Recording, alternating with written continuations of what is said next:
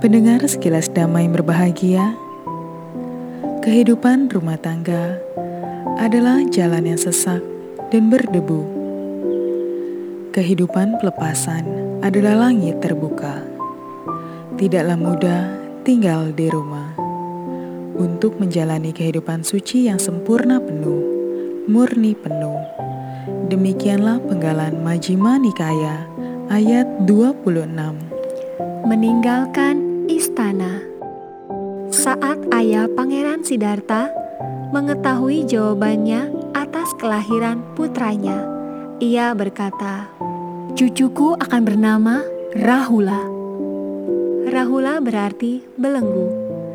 Ayahnya berpikir, putra Pangeran Sidarta ini biar menjadi belenggu baginya supaya tidak akan meninggalkan istana.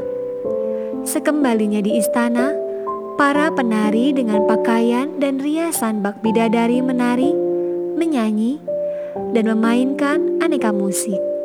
Pangeran Sidarta sudah tidak bisa lagi menikmati semua keindahan itu. Semua itu tak terasa menyenangkan lagi. Pangeran Sidarta jatuh tertidur.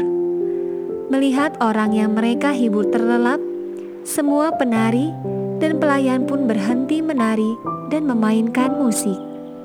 Mereka tertidur di tempat mereka menari. Saat terbangun, Pangeran Sidarta melihat mereka tertidur dalam posisi yang tak nyaman dilihat. Semua ini sungguh melelahkan dan menyesakan. Terpikir olehnya, kehidupan rumah tangga ramai dan berdebu Kehidupan tanpa rumah terbentang luas.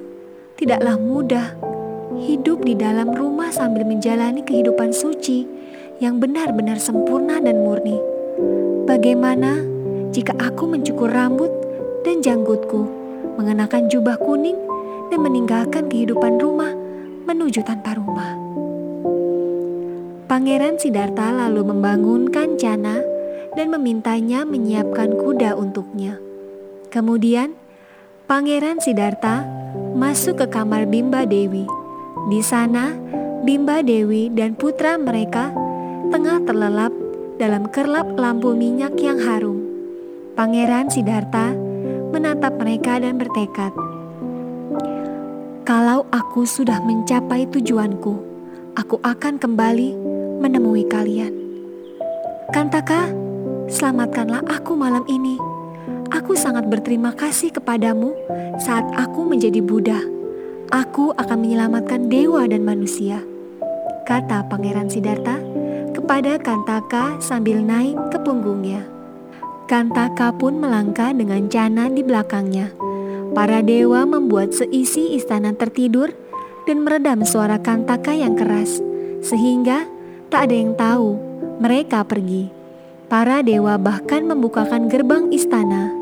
Di gerbang istana muncullah sesosok dewa yang berseru, "Tuanku, jangan pergi. Tujuh hari lagi roda kekuasaan akan menjadi milikmu. Tuan akan menjadi penguasa empat benua dengan dua ribu pulau di dalamnya. Pulanglah tuanku." "Siapa kamu?" tanya Pangeran Sidarta. "Aku Wasawati."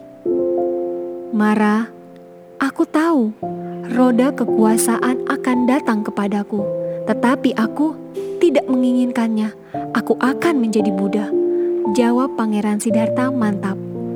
Kemudian Mara berpikir, mulai sekarang pada saat batinmu muncul pemikiran nafsu, niat buruk atau dengki, aku akan tahu.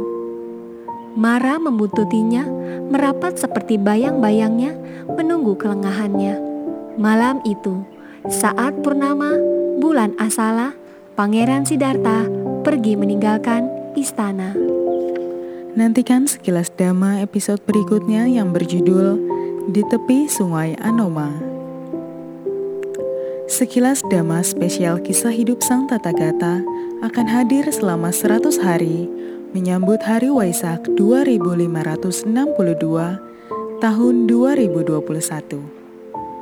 Sekilas Dhamma dapat didengarkan melalui Spotify dan channel YouTube Cetia Dhamma Dayada dengan kata kunci Sekilas Dhamma.